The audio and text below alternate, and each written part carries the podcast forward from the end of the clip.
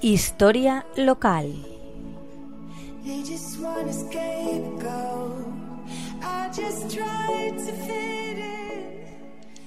Buenas tardes, amigas y amigos de la Tegua Radio.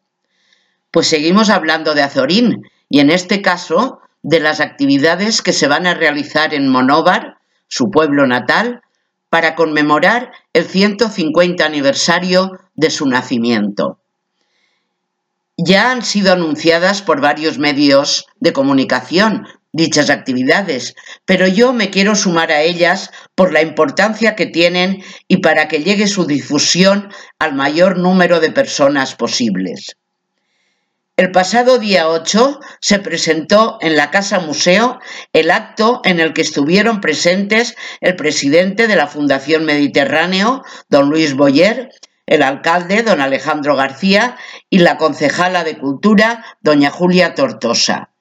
Con estas actividades culturales se pretende realzar la figura de Azorín, y están pensadas para que sirvan además como reclamo turístico y para destacar los rasgos que nos identifican.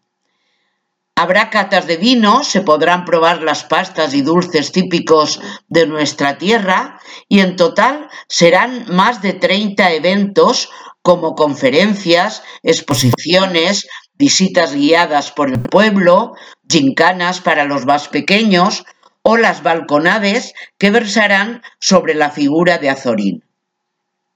¿Y qué se puede resaltar de la figura de nuestro insigne paisano? Las cualidades literarias de Azorín como ensayista magistral y como uno de los grandes renovadores del género literario están más que estudiadas, aparte de sus muchos artículos de crítica literaria, son inolvidables sus libros de evocaciones de las tierras y los hombres de España, etc.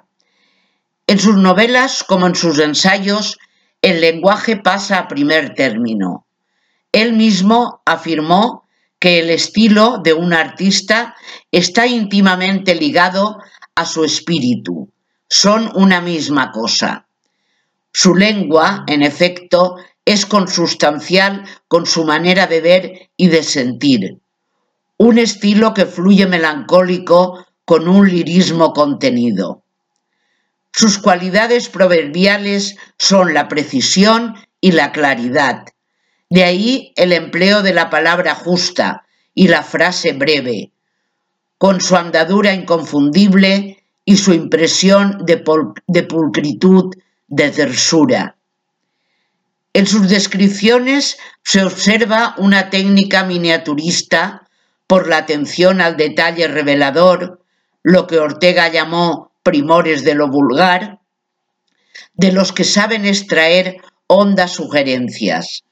Le caracteriza, en fin, una inmensa riqueza de vocabulario como producto de aquella búsqueda de palabras olvidadas tan propia de los noventaochistas.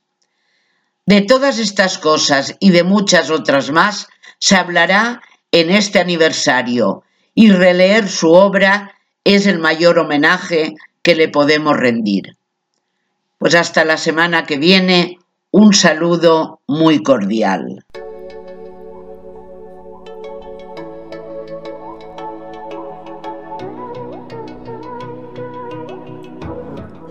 Historia local.